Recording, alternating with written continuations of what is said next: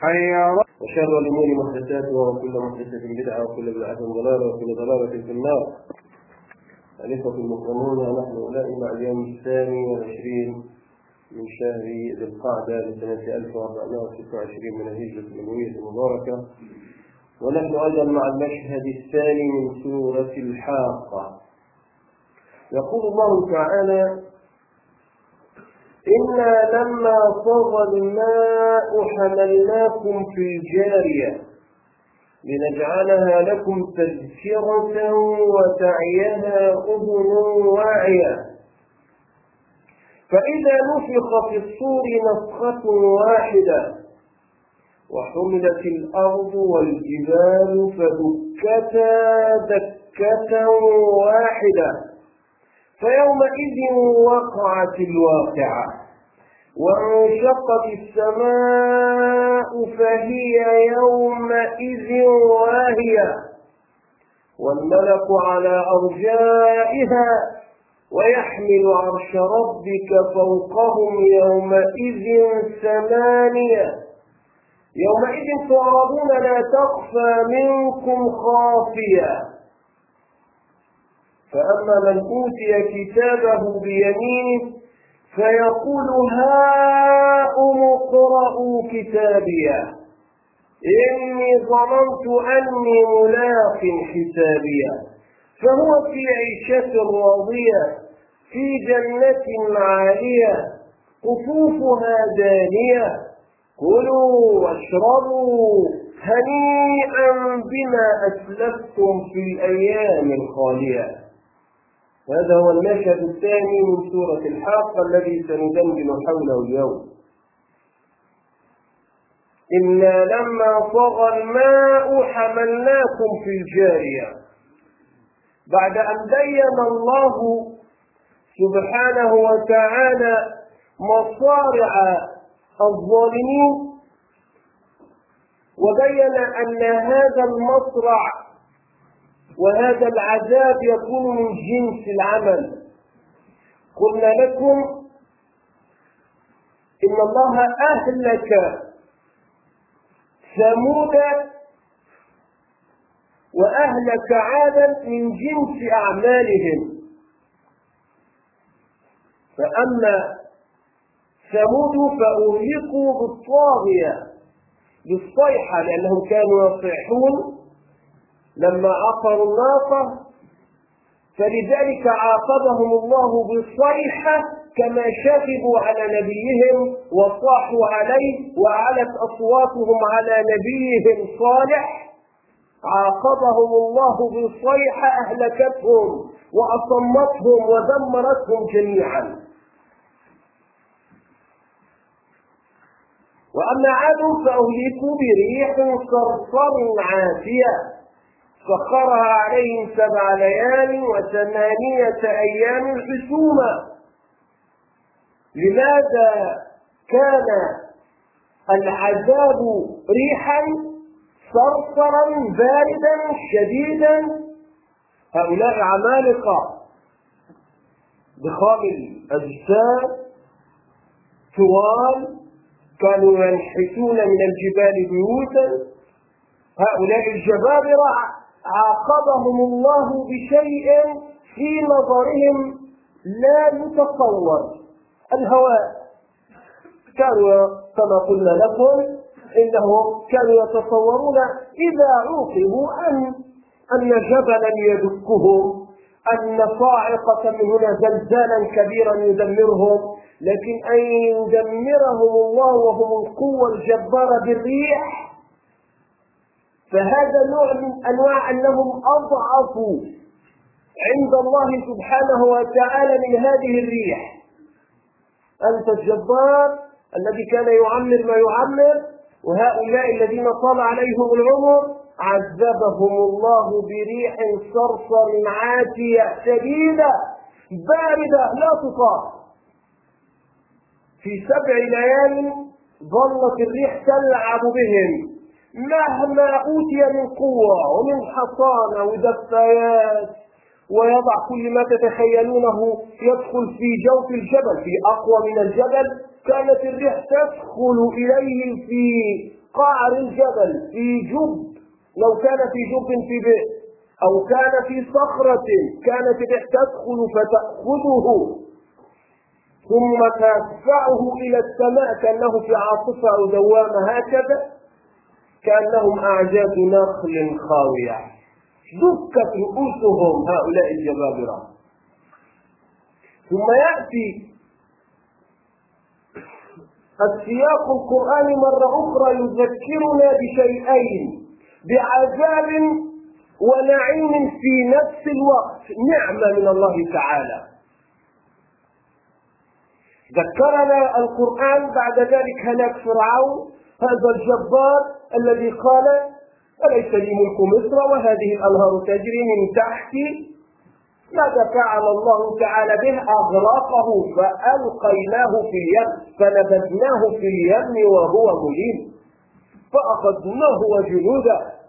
هذا الذي كان يقول الأنهار تجري من تحتي هذا إذا هو يملك الأنهار ويملك الماء ويملك القوة.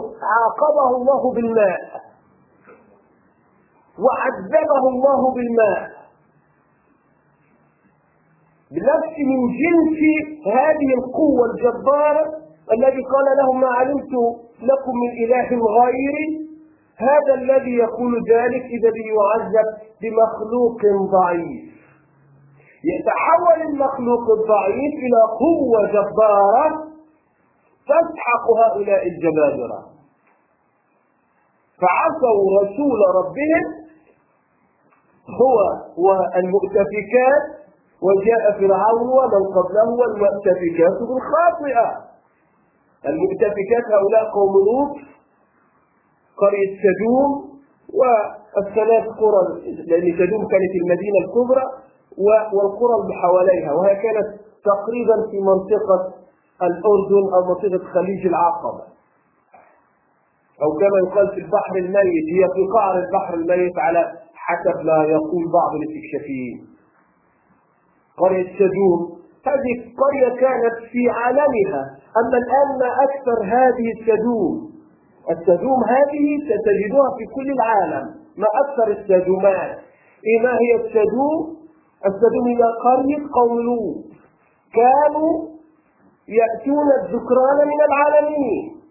أما الآن السدوم الجديدة قلنا لكم إنهم يأتون الذكران والحيوانات ويمارسون السحاق ويمارسون كل أنواع الرذائل فنوع متطور. يعني كان قديما يأتون الذكران من العالمين فقط. أما أما الآن فالمسألة ذكران وإناث وحيوان وكلاب وقطط وكل ما تتخيلونه من أنواع الرذائل والانحطاط الفطري عند هؤلاء انتكست فطرتهم. فتدوم هذه ستجدها في الشرق وفي الغرب. بل إنها في بلادنا أيضا البلاد ما تسمى بلاد عربية وإسلامية. هذه شواطئ العراة وشواطئ الأنجاس ولا يدخلها إلا أنواع معينة من البشر. كل هذه تدور فالله سبحانه وتعالى يملي هؤلاء فعصوا رسول ربهم فأخذهم أخذة رابية. انظر طاغية عاتية راضية راضية يعني عالية. فأخذهم أخذة شديدة عالية قوية. جعلنا عليها سافلة إذا قوم لوط عذبوا من جنس جريمتهم لأنهم قلبوا الفطرة قلبوا الفطرة والخلقة أن الرجل يتزوج المرأة جعلوا الرجل ينكح الرجل. قلبوا الفطرة. فقلبهم الله تعالى فجعلنا عاليها سافلها. هذا هذا هو هذا هو العقاب من جنس العمل. إنا لما طغى الماء حملناكم في الجارية. يذكرهم بعقوبة أخرى وهي عقوبة المياه. فرعون قلنا فهمنا أنه عوقب بعقوبة الماء وبالغرق لأنه كان يتحدى ويقول أليس لي ملك مصر وهذه الأنهار تجري من تحتي؟ لكن قوم قوم نوح لماذا عاقبهم الله بذلك؟ قوم نوح حولوا كثيرا. يعيش نوح عليه السلام مكث فيهم ألف سنة إلا خمسين عاما. ذريات تأتي وأولاد وأطفال وأحفاد يأتون يتوارثون الكفر والعناد ضد نبي الله نوح. يعني إذا الأرض تلوثت وتنجست بهذا الشرك. لذلك قال الله تعالى حتى إذا جاء أمرنا وفارت النور قل نحمل فيها من كل زوجين اثنين وأهلك إلا من سبق القول إلا من سبق عليه القول ومن آمن وما آمن معه إلا قليل. إذا عدد قليل عن أصابع قيل أربعين وقيل أقل من أربعين قيل مجرد عدد فقط ألف سنة. إذا الأرض في هذه الفترة صارت عدلة وتلوثت من خلال هؤلاء المشركين. فماذا فعل؟ أرسل الله عليهم الطوفان هذا الفيضان والغرق. وهي تجري بهم في موج كالجبال. ونادى نوح ابنه يا بني اركب معنا ولا تكن مع الكافرين. قال سآوي إلى جبل يعصمني من الماء. يعني يعني ظن أن عندما يصعد إلى الجبل أن الماء لن يصل إليه. فكان من المغرقين. قال لا عاصم اليوم من أمر الله إلا من رحم بعد ذلك صعد. إذا تخيل أنت أن وصول الماء وصل الماء إلى درجة علو الجبال. السفينة تجري وهي تجري بهم في موج كالجبال. الموج كالجبال. وابن نوح يقول سآوي إلى جبل. وأبوه يقول لا عاصم لا لا, لا تستطيع الماء سيصل إلى الجبل. معناها أنه مهما وصل إلى قمة أعلى جبل في ذلك الزمان فإن الماء وصل إليه. انظروا إلى هذا الهول. إن وصل إن لما طغى الماء طغى الماء أي زاد وارتفع عن حده المألوف. لما طغى الماء وزاد عن حده المألوف العقل يقول لابد أن كل شيء هالك. البشر سيهلكون الحيوانات ستهلك كل شيء هالك. إنا لما طغى الماء حملناكم في الجارية. إذا إلا لما طغى الماء هذا هو العذاب. تذكروا ماذا فعلنا بنوح. ورغم ذلك أنعمنا عليكم ونجيناكم في الجارية. الجارية هي هي السفينة وله الجواري في البحر. الجواري هي السفن. حملناكم في الجارية التي تجري هذه السفينة لنحافظ على نسلكم. بل ليس مثل الإنسان فقط حتى الحيوانات التي كانت مسخرة في خدمة هذا الإنسان. فقل نحمل فيها من كل زوجين اثنين وأهلك. من كل أي من كل إيش؟ من كل شيء. من كل شيء يعني. من كل زوجين اثنين وأهلك. يعني من كل نوع من كل صوت. أدخلهم في هذه السفينة. يعني الله يذكر الناس ويذكر هؤلاء يقول لهم قل لهم يا محمد صلى الله عليه وسلم ألم تذكروا نوحا؟ ألم تذكروا الطوفان؟ كلكم يعلم قصة الطوفان. حتى هؤلاء المشركون الذين كانوا في مكة يعلمون هذه القصص الذي تسرب من أهل الكتاب. يعلمون قصة الطوفان. إنا لما طغى الماء حملناكم في الجارية. أنعمنا عليكم. وحافظنا على نسلكم وعلى ذرياتكم لنجعلها لكم تذكرة وتعيها أذن واعية. لنجعل هذه الحكاية هذا الذي حدث تذكرة لكم وعبرة لما حدث من لهؤلاء المشركين. فماذا فعل؟ لما أفسدوا وتنجست الأرض من شركهم عاقبهم الله من جنس أعمالهم. أغرقهم أي طهرهم. الأرض طهرها منهم. يقول طهرها جعلها هكذا. كما نقول يقولون مثلا في مصطلح سياسي يقولون وللأسف بعض المسلمين يقولون هذا مثله. عندما يقولون أنهم يمارسون تطهيرا عرقيا في أفغانستان. يمارسون تطهيرا عرقيا عند أرض أهل السنة. يمارسون تطهيرا عرقيا في فلسطين. إيش تطهير عرقي هذا؟ هو مصطلح سياسي يقصد احلال أقوام مطرح أقوام والقضاء عليهم. ليس هذا تطهيرا عرقيا بل إنه قتل وتنجيس وقذارة ووقاحة وكل ما تدخل. ليس تطهير، التطهير هذا معناه في العرف معناه معناه كانك تنظف من هذه الأشياء الوسخه كأن أهل السنة في العراق أشياء وسخه يطهروا الأرض منهم. تطهير عرقي. يعني غير هذا العرق ووضع عرقا آخر. هذا مصطلح للأسف مصطلح غربي. وهذا مصطلح يستخدم المسلمين يستخدمونه ضد أنفسهم. يقولون هذا تطهير عرقي. إيش؟ يعني عرقك يطهر يعني يزال يعني كأن شيء نجس معناه هذا هذا هو الذي يحدث. بتطهر الأرض معناها من النجاسة.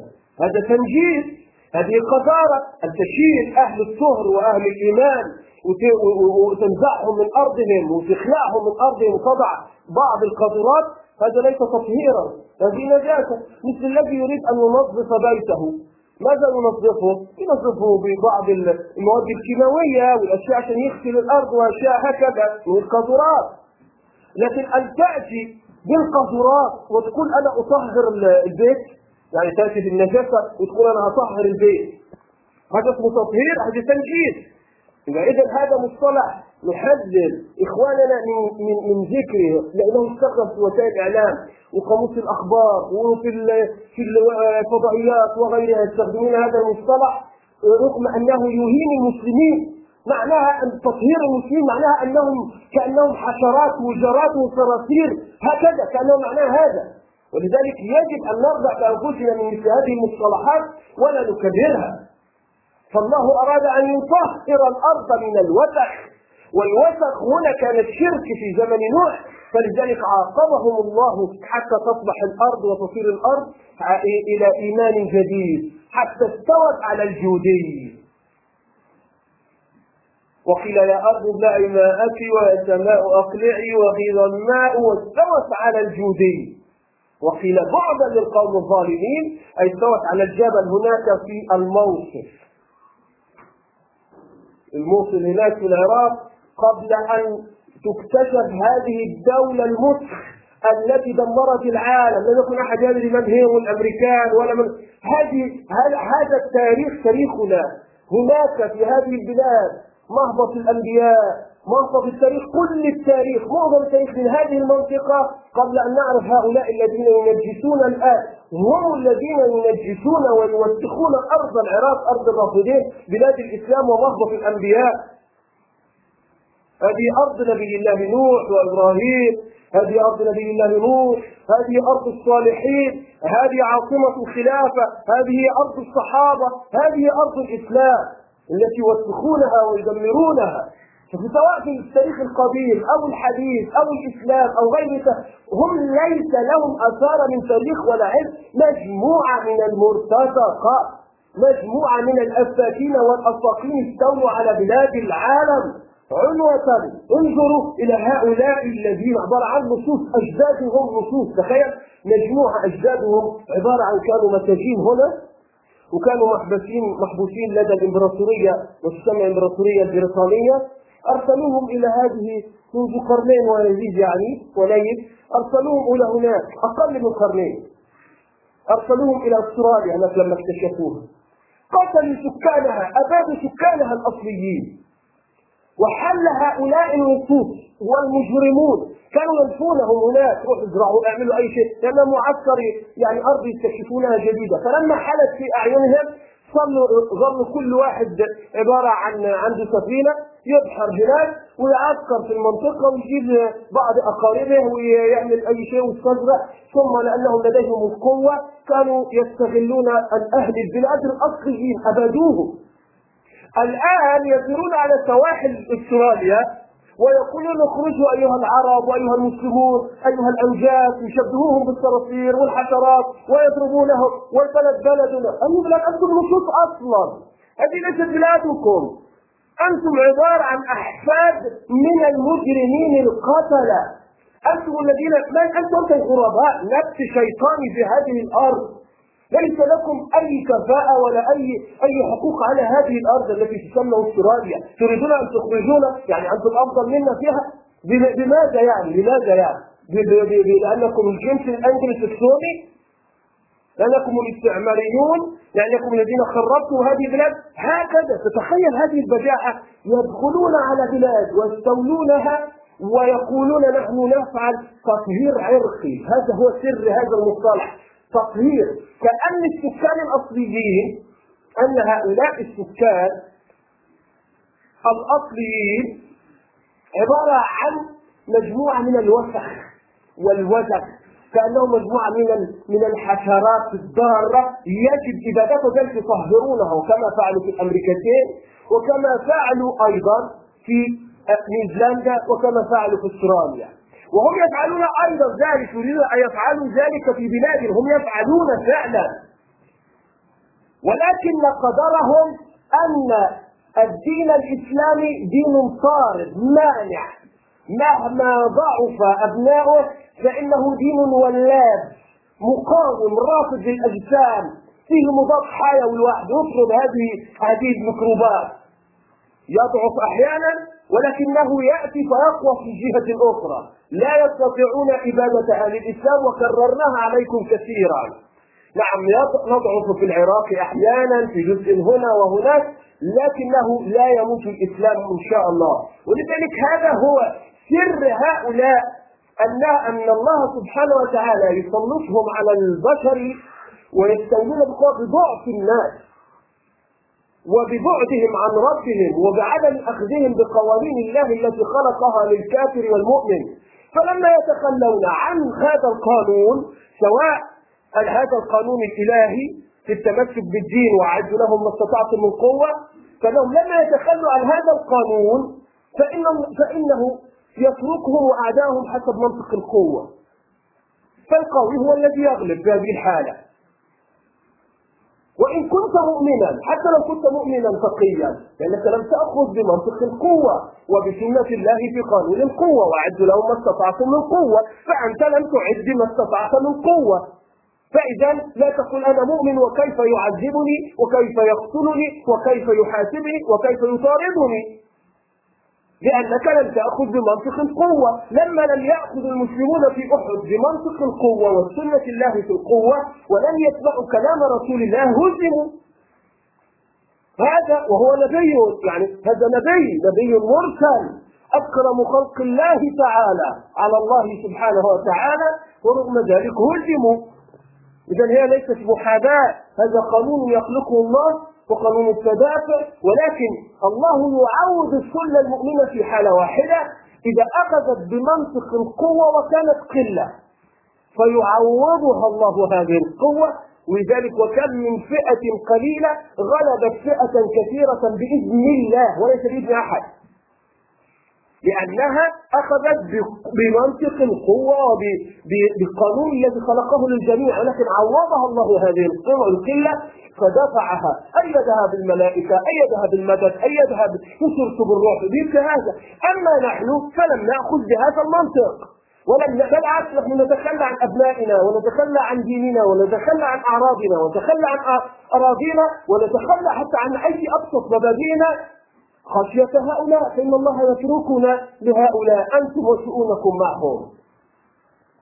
لكن إذا تمسكنا فإن الله سبحانه وتعالى يقول إن تنصروا الله ينصركم. يعني تبدأ أنت الأول تنصر الله وتكون مع الله. فإن الله سبحانه وتعالى إذا علم منك ذلك سيكون معك وهذه المعية ليست معية واحدة خاصة يعني قد يوجد في الأمة واحد اثنين الله مع نعم لكن الله يريد المعية العامة للنصر العام ولكن ليست مع مجموعة معينة فقط. لكن لا لو مجموع العام الأمة تنتصر هذا لا يحدث إلا أن غالب الأمة يكون قويا وأن غالب الأمة يكون مع الله سبحانه وتعالى. لكن المشاهد الآن أن غالب الأمة ليس مع الله. أن غالب الأمة ضد الله سبحانه وتعالى. مع هؤلاء شياطين الإنس والجن ويتركون قلة معينة تقاتل عنهم بالنيابة والوكالة. يدافعون عن الدين بالوكالة والنيابة. إنا لما طغى الماء حملناكم في الجارية لنجعلها لكم تذكرة وتعيها أذن واعية. عندما تركب السفينة وأنت ترى هذه السفينة وهي تنخر عباب الماء عندما تتذكر قصة نوح وتتذكر أن الله حفظ البشرية من خلال هذه السفينة من خلال هذا هذا الذي خلقه وسخره لكم. الله سخر لنا هذا الفلك هذه السفن لتحملكم هذه هذا الحمل وهذه السفينة هي كانت سبب النجاة لهذه البشرية وكانت نعمة. لكي تتذكروا نعمة الله عليكم. إنا لما الماء حملناكم في الجارية لنجعلها لكم تذكرة وتعيها أذن واعية تتذكرها أذن فاهمة واعية يقظة تعلم أن هذا من الله تعالى وأن هذا خلق الله وأن الذين يعاندون الله مهما أوتوا من القوة ومهما عمروا في الأرض فلن يعمروا مثل ما عمر نوح. هل هل قوم نوح ظلوا معه ألف سنة إلا خمسين عاما؟ القوة الجبارة في الأرض كم عمرها الآن؟ هم لم يقوا غالبا إلا منذ قرنين. دمروا الإسلام ويحاربوا قويوا أكثر ها بعد الحرب العالمية الثانية. يعني بعد ما دمروا بعض. يعني لا, لا دخل الإسلام معه ثم بعد الحرب العالمية الثانية قووا وقويت شوكتهم. فقط يعني 50 60 سنة يعني. إيش 50 60 إذا كان نبي الله ظل ألف سنة إلا 50 عاما ما هي؟ ما 50 60 سنة في عمر التاريخ يعني ولا في عمر الزمن. ولا تساوي شيئا. ولذلك لا يهملنكم قوتهم وسطوتهم الآن. كل هذا في عرف التاريخ قليل. لا شيء زائل إن شاء الله وسيزولون لهذه عجلة التاريخ. وهذا هو قانون الله تعالى في مصارع الأمم. أقول قولي هذا وأستغفر الله لي ولكم. إن الحمد لله نحمده ونستعينه ونستغفره. ونثني عليه الخير كله ونشكره ولا نكفره. ونخلع ونترك من يجرك اللهم لك نعبد ولك نصلي ونجد إليك نسعى نرجو رحمتك ونخشى عذابك. إن عذابك الجد بالكفار ملحق. وأشهد أن لا إله إلا الله وحده لا شريك له. وأشهد أن محمدا عبده ورسوله. إنا لما طغى الماء حملناكم في الجارية لنجعلها لكم تذكرة وتعيها أذن واعية. فإذا نفخ في الصور نفخة واحدة. هنا انتهى المشهد مشهد البشري الهول الكبير في البشر. ثمود عاد ثم فرعون قوم لوط ثم بعد ذلك يذكرنا بقصة نوح. كل هذه المصارع رغم أنها قوية ومشاهد مرعبة مشهد الطوفان مشهد غرق فرعون وأن البحر انطلق كالصوت العظيم هذا مشهد قوم نوح قوم ثمود وهي الصيحة تأخذهم وسماها الطاغية. كل هذا لا يساوي شيئا رغم كبره وقوته لا يساوي شيئا في الآتي المشهد الكبير الأعلى. فإذا نفخ في الصور نفخة واحدة. الصور هو البوق. وهو بوق ينفخ فيه الملك إسرافيل فصعق من في السماوات والأرض. إذا إذا نفخ فيه من قوة صوته صوت لا يطيقه أحد يهلك. فصعق من في السماوات والأرض. مجرد النفخة هذه. إذا نفخ في الصور نفخة واحدة مجرد واحدة. وحملت الأرض والجبال فدكتا دكة واحدة. هذا لما القرآن يجعلك تعمل مقارنة إيش ثمود وإيش عاد وإيش فرعون وإيش إيش الطوفان حتى ده الأرض والجبال بما فيها الجبال كأنها كرة. طفل صغير يلعب بالكرة ويرفعها لفوق ويضربها في الأرض. كأنها صخرة في يد إنسان عملاق يرميها من فوق هكذا ويرميها في الأرض. هكذا. دليل على حقارتها وقلتها وهوانها فحملت الأرض والجبال فدكتا انظر فدكتا دكة واحدة. أنت تشعر جسمك يقشعر وأنت تقرأ هذه الآية وكأنها ستنزل عليك في فوق رأسك. دكتا دكة واحدة. كان شيء سيصيبك من شظايا شظيات هذه الحجارة. فدكتا دكة واحدة. هذا هذا هذا هو هذا المشهد الأعظم الأكبر. كل ما حدث من هلاك الظالمين لا يساوي شيئا. رغم الرعب الذي عشناه من قبل فإذا بنا ندخل في الهول الأكبر. فإذا نفخ في الصور نفخة واحدة أي كل هلاك وحملت الأرض والجبال فدكتا ارتفعتا هكذا الشارع حد شالها هكذا؟ ورماها هكذا فدكتا دكة واحدة. إذا الكواكب انتثرت وإذا البحار فجرت وإذا القبور بعثرت الكواكب ستنتثر تتناقص تنفجر يحدث انفجار في الكون. فدكتا دكة واحدة فيومئذ وقعت الواقعة. هو هو ذلك هي الحاقة هنا. فيومئذ وقعت الواقعة. هذه التي يكذب بها الوثنيون والملاحدة والمعاندون الذين يظنون أنهم لا حساب ولا بعث ولا حياه ولا نشور بعد الموت. فيومئذ وقعت الواقعة. اليوم اللي هيحصل في النفخة. وهيحدث في الأرض والجبال فدكتا إذا زلزلت الأرض زلزالها. نوع من أنواع التصوير فيها. فدكتا دكة واحدة فيومئذ وقعت الواقعة. هذا في الأرض. إذا الأرض بالجبال الإنسان الذي يمشي الآن ويتحكم في الأرض ويعرف طولها وعرضها ويعرف كل شيء فيها. ويعرف يذهب إلى هناك في المحيط قارة أنتاركتيكا والمتجمد الشمالي والجنوبي وحتى أنه لا يستطيع أن يصل إلى نهايته معظم الطائرات التي تذهب هناك بتهلك حتى هذا لا يستطيعون أن يتعمقوا في, الم...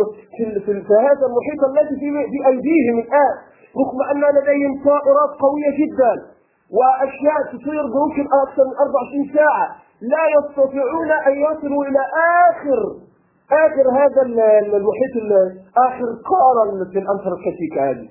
لا يستطيعون معظم الرحلات في الآخر يا إما يقتل تنفجر الطائرة لا يستطيعون. هناك مرحله معينة. حتى في الأرض لا يستطيعون. رغم أنهم سيصل الوقت من الزمان وظن أهلها انهم قادرون عليها.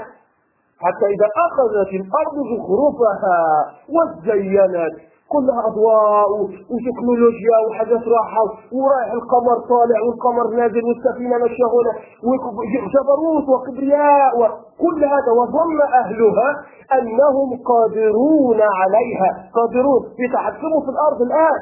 يقول لك آه إحنا هننزل السفينة. هذه منطقة نستطيع. هكذا يتركون صواريخ من خلال الأقمار السماويه ممكن تدخل لك على السرير. هذه السيارات النافيجيتور وهذه الأشياء اللي تمشي على وجه السيارات وتعرف الشوارع كلها من خلال الأقمار هذه المتعلقه فوق الأرض. وحاجات بسيطة. تخيل هذه هذه المدنية فما بالعسكرية. معناها أنهم ذلك لا تتعجب على الصواريخ التي تأتي إلى بيوت الناس كمدعو شريحة صغيرة. وظن أهلها أنهم قادرون عليها. أتاها أمرنا.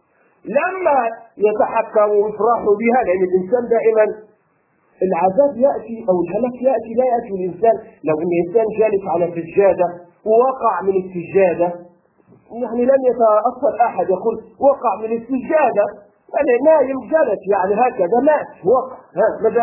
إيش اللي جرى يعني لكن لما يقع من فوق من فوق جبل أو من فوق عمارة كبيرة آه الناس تسمع. آه آه وقع من فوق بعد بعد هذا العلو. هكذا سيصل بهم الامر أن يتحكموا في الأرض لدرجة يظنون أنهم قادرون عليها.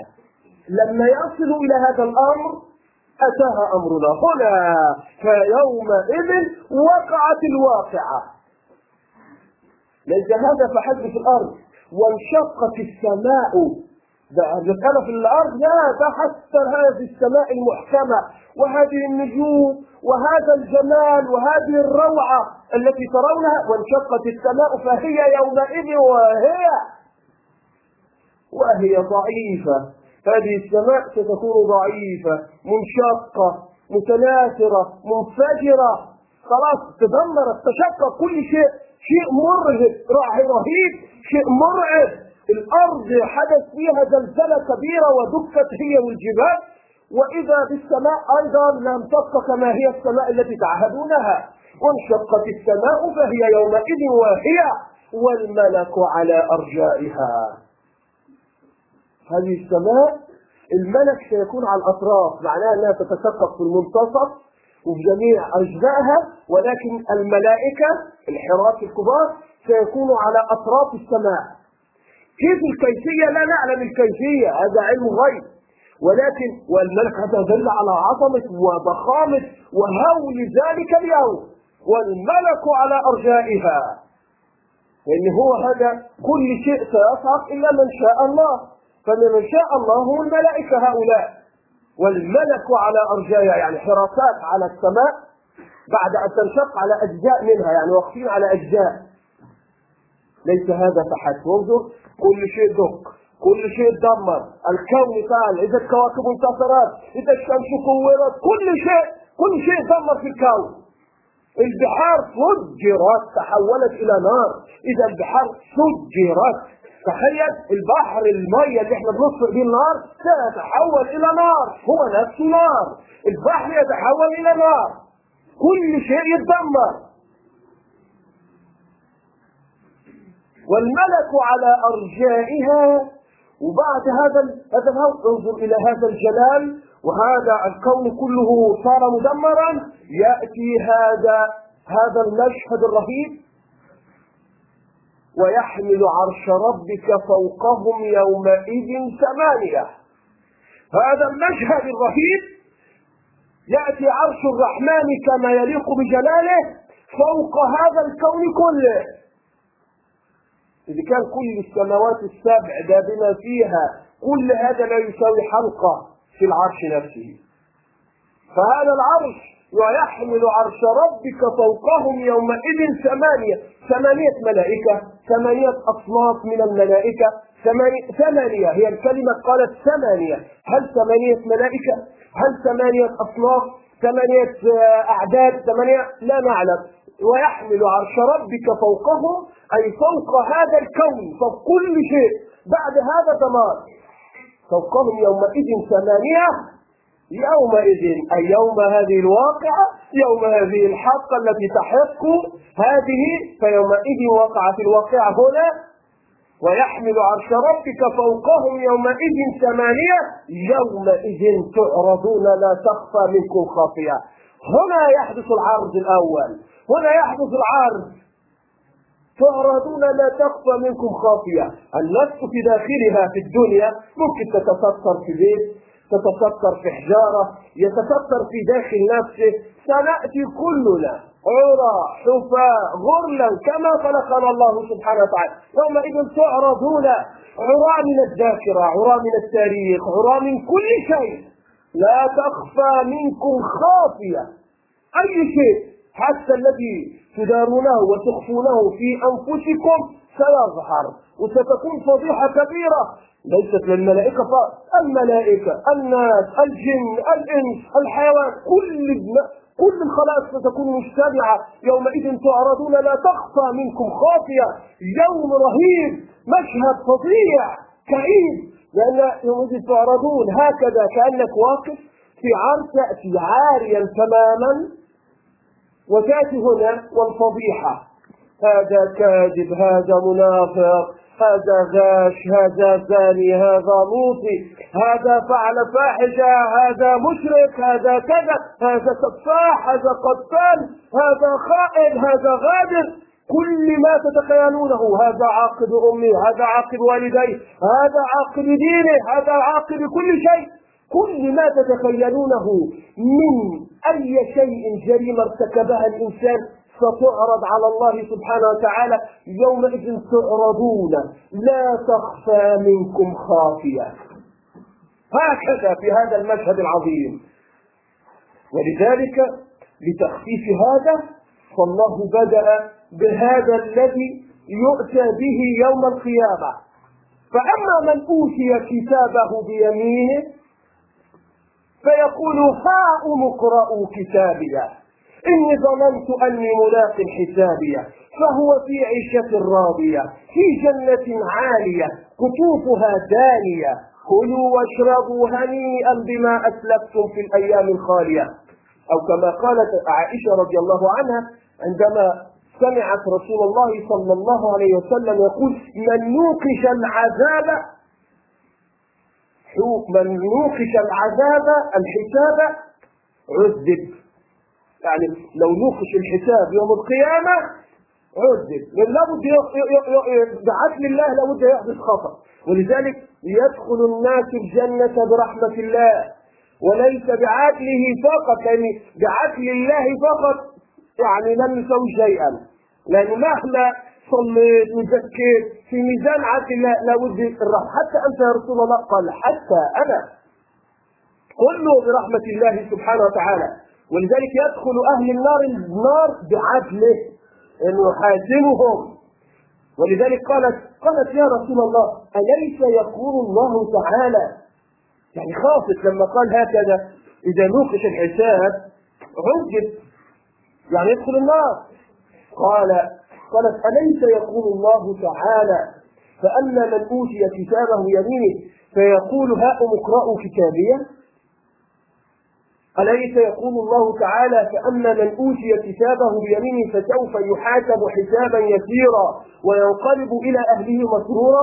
قال ذلك إنما ذلكم العرض. ذلك العرض يعني اليوم الأول في العرض اللي هو هذه الحكاية وهي لكن الذي إذا نوقش العبد الحساب يوم القيامة حسب. ولذلك يؤتى بالعبد يوم القيامة. فيقر كما في حديث عبد الله عبد, عبد الله بن حنظلة غسيل الملائكة رضي الله عنه. كما يقول يقرب العبد يؤتى بالعبد يوم القيامة. فيقربه ربه إليه يبنيه فيقرره بذنوبه. يقول له انظر إلى صحيفتك. لم أفضحك يعني يقرأ يجد بلاوي مصايب يعني ارتكبها واقترفها. يقول له لم أفضحك ألم تفعل هذا يا عبد؟ قال بلى يا رب. أنا فعلت. أي ارتكبت الجريمة؟ ارتكبت الذنب؟ عصيتك يا رب. زنيت فعلت كذا وكذا وكذا. يقر بذنبه. فيقول الله تعالى ألم تفعل ذلك يا عبدي؟ لم أفضحك لم أشأ أن أفضحك الآن على رؤوس الخلائق. قال بلى يا رب. قال الآن غفرت لك. الله يقول له الآن غفرت لك. فيفرح هذا العبد المسكين. فيقول ينادي عندئذ ينادي هاؤم اقرأوا كتابيا تعالوا يا ناس اشهدوا هاؤم اقرأوا كتابيا إني ظننت أني ملاق حسابيا أنا كنت ظانن أن أنا سأحاسب وسأعذب الآن غفر الله لي فرحان. يفرح انظروا إلى كتابي. أنا الآن وجدته متغيرا. بدل الله سيئاتي حسنات. ويقال إن العبد يوم القيامة لما يقربه الله تعالى إليه يقرأ يفتح الصحيفة كلما وجد سيئة تغير وجهه. وجهه لونه يتغير من الفضيحة فيدنيه ربه مرة أخرى فيقرأ في صحيفة أخرى بعض الحسنات يقرأ الحسنات. فيتغير لونه إلى حد ما. فإذا بالله سبحانه وتعالى ينعم على هذا العبد فيبدل الله سيئاته حسنات. العبد يندهش يصير فرحا من من هذه الفرح الدهش. يصيبه من كثرة ما رأى. السيئات تحولت إلى حسنات. هنا يستطير فرحا وينادي على الخلائق هاؤم اقرأوا كتابي. كما يقول التلميذ أو الطالب الذي ينجح ويأتي بالشهادة ويقول انظروا أنا نجحت في الامتحان أنا نجحت إلى السنة كذا أنا انتهيت إلى. فرح أمام التلاميذ لأنه نجح في الامتحان. هنا يقول لهم هاؤم اقرأوا كتابي. إني ظننت أني ملاق حسابي. كنت أظن أنني لا محالة سأناقش وأعذب في النار. أو أنه كما في رواية في بعض التفاسير أنه كان هذا العبد كلمة ظن على أنه متيقن غلبة اليقين. أن الله سيحاسبه وأنه هناك حساب وأنها هناك بعث. وأن ولذلك لأنه كان يحسن الظن بالله فالله نجاه من ذلك. إني ظننت في القرآن في الآخرة معناها أني متيقن غلبت يقيني هنا. أني ظننت أني ملاق حسابية بعد أن يفرح ويبشر الناس في الملأ الأعلى يقول له له إني ظننت أني ملاق حسابية ها ما هي المكافأة؟ فهو في عيشة راضية في جنة عالية قطوفها دانية. هذا الذي سيدخل فوق في عليين في جنة قطوفها دانية المقربة هو نائم يأكل إذا اشتهى العنب إذا اشتهى الفاكهة إذا اشتهى أي شيء يدنو إليه من فيه قطوفها دانية. بل إنهم انظر إلى هذه المنة كلوا كما يأتي إليك من يأتي يدخل إليك الضيفان فتضيف الناس.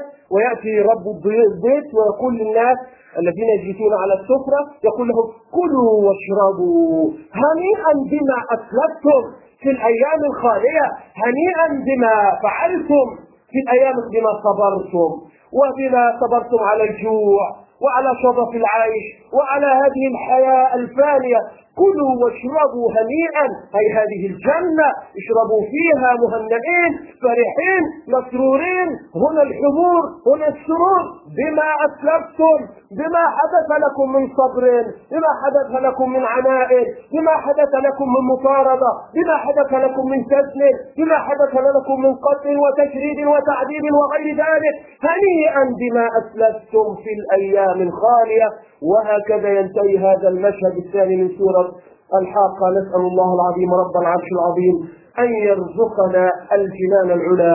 اللهم إنا عبيدك أبناء مائك نواصينا بيدك ماض فينا حكمك عدل فينا قضاؤك. نسألك بكل اسم هو لك أنزلته في كتابك أو علمته أحدا من خلقك أو استأثرت به في علم الغيب عندك أن تجعل القرآن العظيم ربيع قلوبنا. وجلاء همنا وذهاب غمنا وحزننا. ذكرنا منه ما نسينا ارزقنا حسن تلاوته آناء الليل وأطراف النهار لعلك ترضى. اللهم حكم فينا كتابك. واذن لشريعتك أن تحكم الأرض وأن تسود. اللهم استخدمنا لنصرة دينك يا رب العالمين. اللهم انصر إخواننا المستضعفين في كل مكان. فك أسر إخواننا المسجونين اللهم فك أسرهم وتول أمرهم وأحسن خلاصهم. وردهم إلى أهلهم وديارهم ردا جميعا.